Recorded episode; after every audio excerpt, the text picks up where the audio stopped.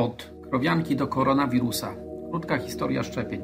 E, tytuł dzisiejszego podcastu jest dość przewrotny i przyznam, że mimo iż e, połączenie wirusa ospy krowiej i koronawirusa jest dość karkołomne, jednak te drobnoustroje mają ze sobą coś wspólnego. E, tym spoiwem są szczepienia. Tak obecnie, jak i historycznie wywoływały one wiele pytań i kontrowersji nie wiem tylko, czy w XVIII wieku istniał zorganizowany ruch antyszczepionkowców.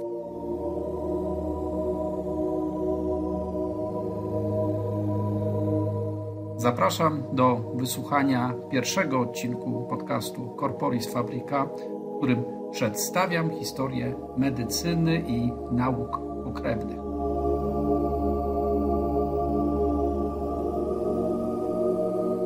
Historia pokazuje, że wnikliwe obserwacje były i są podstawą rozwoju nie tylko nauk medycznych, ale wszystkich nauk. Ta historia z kolei pokaże, że tak jest naprawdę. W dobie pandemii koronawirusa i żywych dyskusji na temat e, potrzeby i skuteczności szczepień, warto byłoby dowiedzieć się, kiedy wprowadzono je do działań medycznych kiedy zauważono ich skuteczność. Już około tysięcznego roku naszej ery ówcześni medycy zwrócili uwagę na związek między przechorowaniem pewnych chorób, a późniejszą odpornością na nie. To, że wytworzenie odporności ma ogromne znaczenie, e, potwierdziło jedno z największych odkryć geograficznych. Tak właśnie odkrycie geograficzne było jednym z pierwszych dowodów na istnienie odporności. Otóż w 1492 roku Krzysztof Kolumb e, odkrył Amerykę. Fakt jest oczywiście e, powszechnie znany, natomiast fakt ten wpłynął nie tylko na losy świata, ale okazał się przekleństwem dla rdzennej ludności tego kontynentu. Podróżnicy przy okazji przywiezienia ze sobą różnych świecidełek, różnych, jak to byśmy dzisiaj nazwali, fantów, Przywieźli ze sobą niewidoczne drobnoustroje, z którymi rdzenni mieszkańcy Ameryki nie mieli wcześniej styczności. Nie mając tej naturalnej odporności przeciw np. ospie, odrze, krztuścowi, dżumie czy tyfusowi, łatwo zapadali na te choroby po kontakcie z przybyszami z Europy. Szacuje się, że w ciągu 150 lat od wizyty Kolumba do 95% populacji Ameryki zginęło właśnie z tego powodu, a nie z powodu e, waśni, nieporozumień e, czy innych zdarzeń. E, to nie tylko to odkrycie pozwoliło powiązać brak odporności z większą falą zachorowań. Również zwiększenie się populacji ludzi, tendencje do zakładania coraz liczniejszych osad i, no mówiąc wprost, do coraz większy tłok, tak, przy powszechnym braku higieny, doprowadził do tego, że w okresie XVI-XVII wieku mamy do czynienia z czasem rozprzestrzeniania się chorób zakaźnych. Wówczas wybuchały epidemie odry, krztuśca, a w szczególności ospy prawdziwej.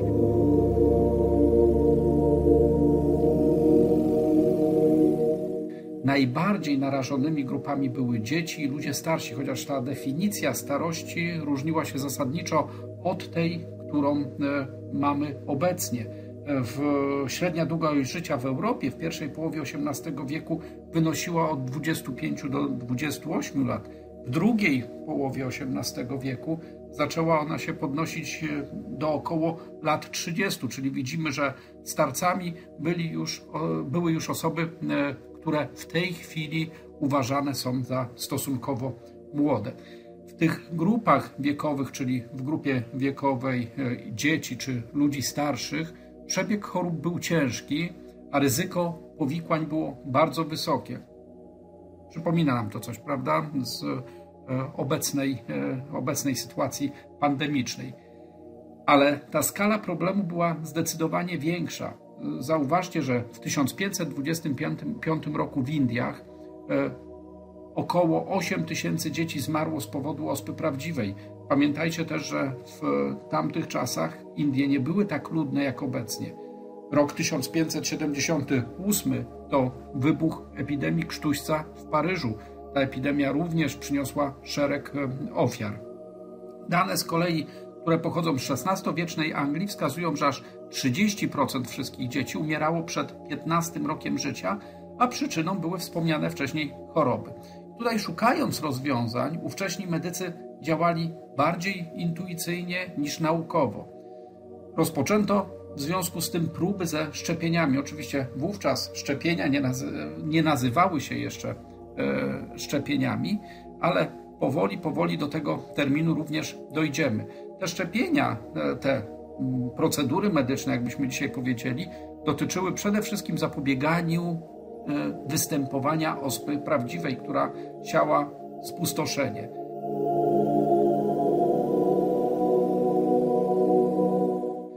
Sama idea najprawdopodobniej, e, sama idea szczepień oczywiście najprawdopodobniej narodziła się w Indiach, a następnie ona powędrowała do Chin i Turcji, ale to z Chin e, pochodziła pierwsza udokumentowana metoda prewencyjnego zakażenia ospą prawdziwą.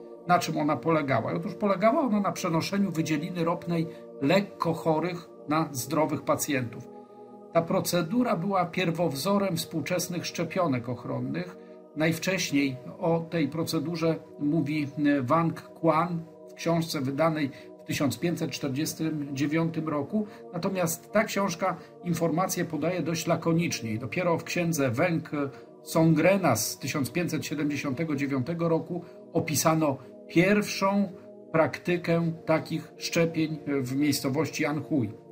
Autor zaznaczał, że miał do czynienia wówczas z lekarzami starannymi, lekarzami bardzo przestrzegającymi pewnych zasad, ale, taki, ale też takimi, którzy do szczepień używali strupów osób ciężko chorych.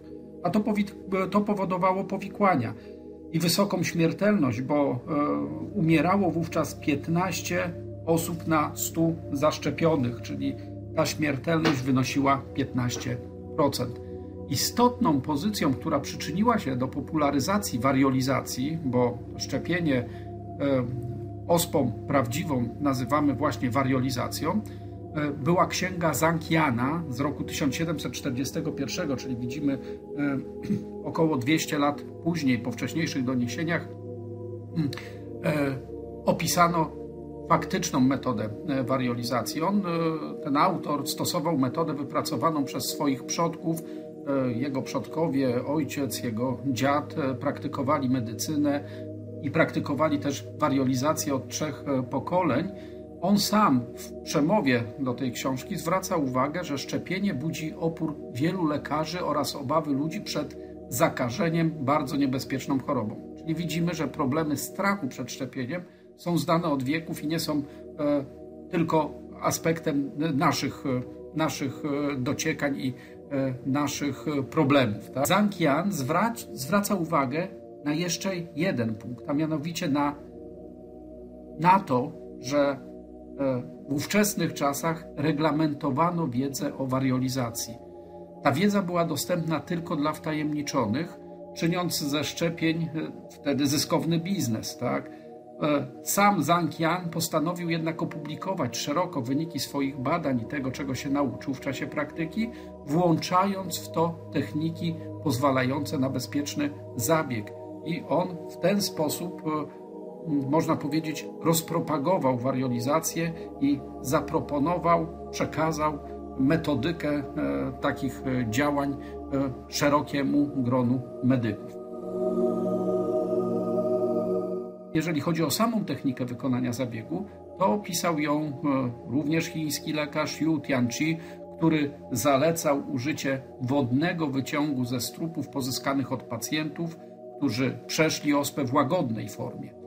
Takim wyciągiem zwilżano bawełniany tampon. My ten tampon w tej chwili nazywamy watą, tak? Wsuwano go do nosa szczepionego na kilka godzin.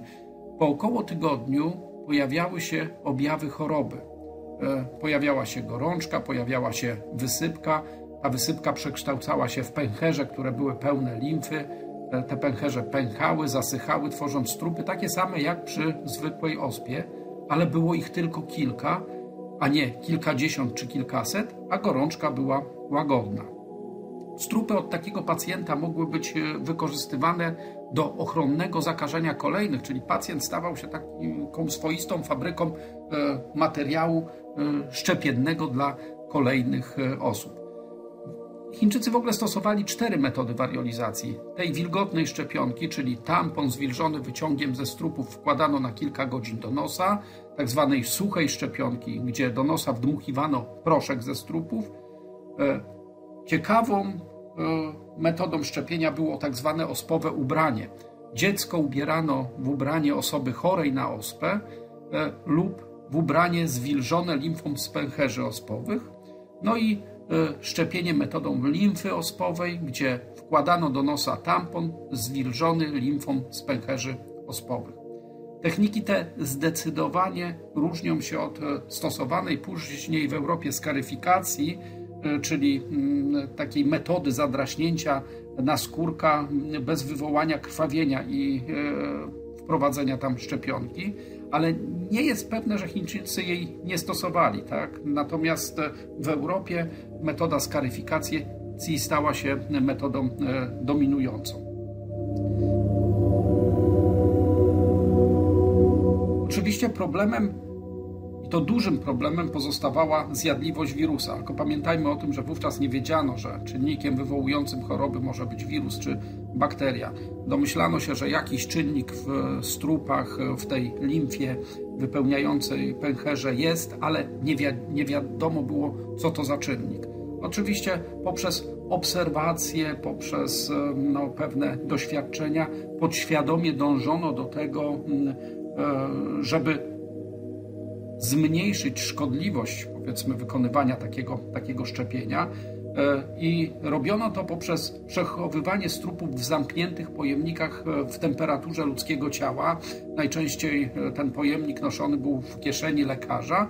I taki pojemnik przechowywano przez około miesiąca, doprowadzając do tego, że drobnoustroje zawarte w nim faktycznie były delikatnie osłabione. Tutaj możemy podejrzewać, że patogony zawarte w strupach ulegały rzeczywistemu osłabieniu lub, e, co tak naprawdę jest bardziej prawdopodobne, nie przeżywały takiego zabiegu. Obniżało to znacząco stosowaną dawkę, a równocześnie w materiale pozostawało e, białko wirusów, co mogło wywołać reakcję ochronną, stymulując produkcję przeciwciał u pacjenta. I tu znów mała uwaga, Pamiętajmy, że wówczas e, pojęcie e, ochrony, odporności, przeciwciał e, nie istniało. Obserwacja miała charakter wyłącznie empiryczny i tak naprawdę tylko inteligencji ówczesnych medyków możemy zawdzięczać fakt wynalezienia szczepień. Z czasem tą wariolizację w Chinach zaczęto stosować na masową skalę.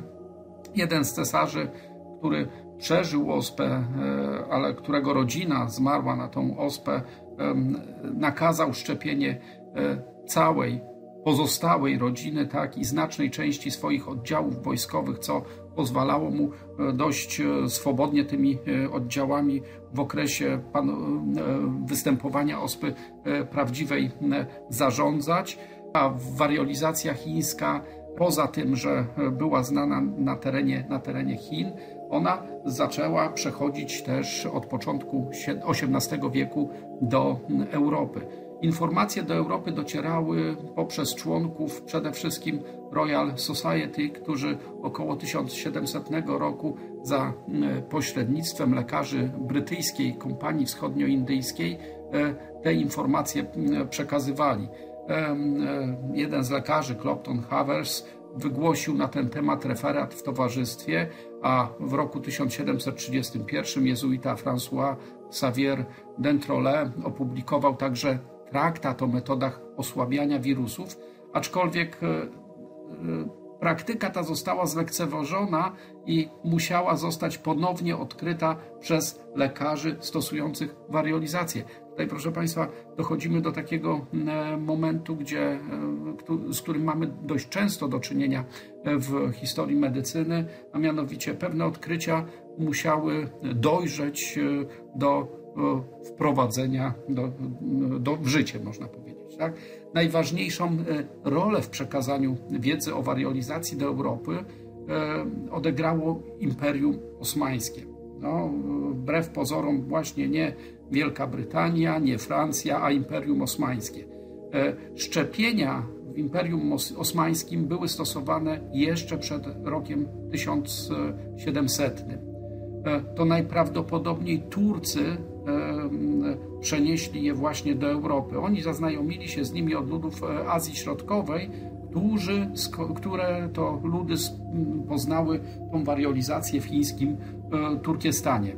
E, o samym praktykowaniu wariolizacji w Imperium Osmańskim pisało kilku lekarzy w drugiej dekadzie XVIII wieku, wspominając też czasem o przechowywaniu szczepionek w sposób odpowiadający E, chińskim metodą osłabiania tego materi materiału zakaźnego. Czyli możemy powiedzieć, że to e, stamtąd pochodzi e, ta, ta metoda wariolizacji. W tym samym czasie z wariolizacji skorzystali pierwsi europejscy dyplomaci. Oni zazwyczaj sami się szczepili, poddawali temu szczepieniu swoje dzieci, w, przed rokiem 1716 swoich synów zaszczepił brytyjski ambasador e, Robert Sutton. W roku 1718 swojego syna zaszczepiła Mary e, Wortley Montagu, a w pierwszych eksperymentów już w Anglii, konkretnie w Anglii, dokonał Charles Maitland w roku 1721, ale to tak naprawdę dzięki e, Lady Montagu wariolizacja rozprzestrzeniła się szerzej. Istnieje prawdopodobieństwo, że w roku 1722 zaszczepiono członków rodziny królewskiej, ale e, dowodów e, pewnych na to nie mamy. E, mimo poważnej krytyki, związanej oczywiście z tą śmiertelnością okołoszczepienną, zbierane już w XVIII wieku dane wskazywały na wysoką skuteczność tej wariolizacji i przykładowo e, takie dane pochodzące z Bostonu pokazywały, że wśród zaszczepionych śmiertelność podczas epidemii wynosiła 2,5%, podczas gdy u niezaszczepionych niemal 15%. Różnica była znacznie znaczna. Ta technika wariolizacji rozpowszechniła się e, też w innych krajach europejskich, ale ona doprowadziła do ważniejszej E, sprawy, do ważniejszego odkrycia w dziedzinie historii e, medycyny.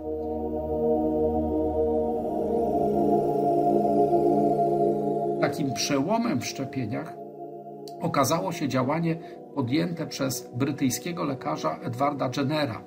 I tutaj znów obserwacja medycyny ludowej odegrała niebagatelną rolę. E, w tradycji ludowej, proszę Państwa, istniało przekonanie, że przechorowanie ospy krowianki, czyli tak zwanej ospy krowiej, daje ochronę przed zachorowaniem na ospę prawdziwą. To oczywiście e, wiązało się z obserwacjami e, osób dojących chore krowy i z, późniejszą, z późniejszym powiązaniem tego faktu, że osoby te nie chorowały na ospę prawdziwą. Jenner tą wiedzę wykorzystał do przeprowadzenia pewnego eksperymentu. Otóż 14 maja 1796 roku dokonał on szczepienia materiałem zakaźnym właśnie ospy krowianki ośmioletniego chłopca Jamesa Phippsa. Ten chłopiec przechorował krowiankę. Rok po tym, jak zaszczepił Phippsa e, krowianką, Zaszczepił go ponownie, ale już jednym materiałem zakaźnym ospy prawdziwej.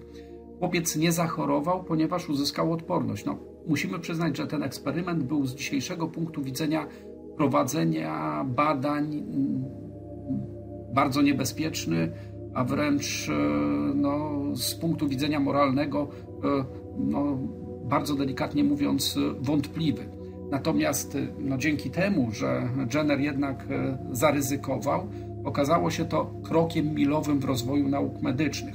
To przełomowe e, znaczenie tego eksperymentu miało to, że w celu uodpornienia człowieka przeciw ospie wcale nie potrzeba było szczepiać mu e, materiału pochodzącego od, choru, e, od chorych na ospę prawdziwą, a wystarczyło jedynie szczepienie ospy krowej, krowiej tak zwanej krowianki, variola vaccina z łacińskiego, tak, która to krowianka w odróżnieniu od ospy ludzkiej ma przebieg łagodny i nigdy nie kończy się śmiercią. I taką metodę nazwano wakcynacją, inaczej szczepieniem, od łacińskiej nazwy krowy, czyli wakka.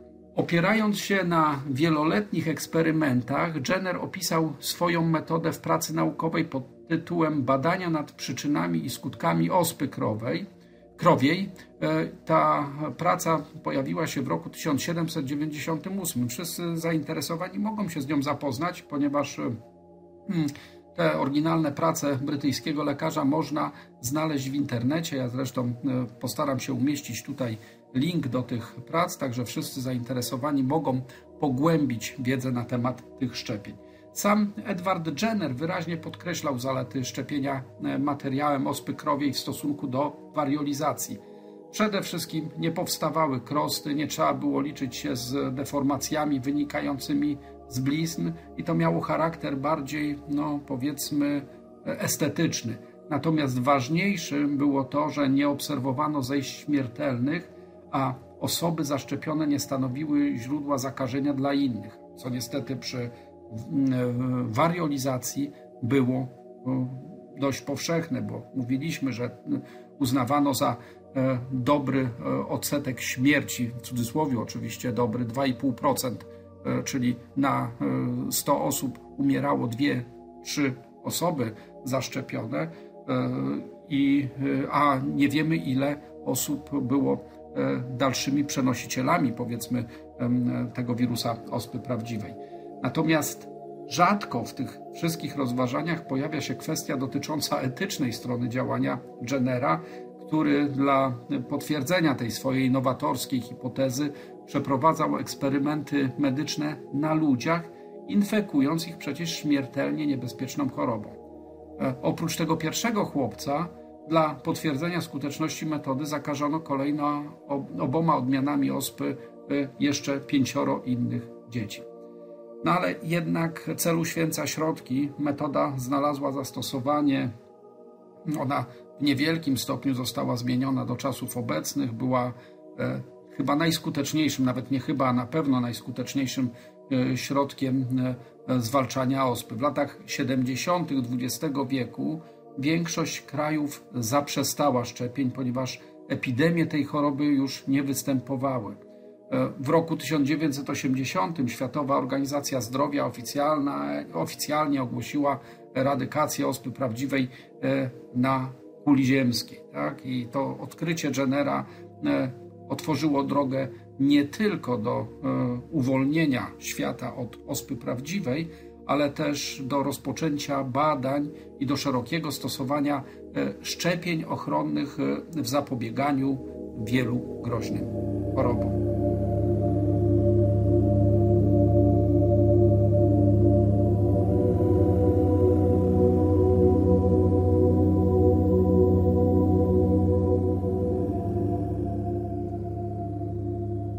Szanowni Państwo, jeżeli chcecie wiedzieć więcej o historii medycyny, o historii weterynarii, farmacji e, i nie chcecie, aby umknął, umknął Wam kolejny odcinek, proszę zasubskrybujcie ten odcinek e, czy ten kanał na swojej ulubionej platformie.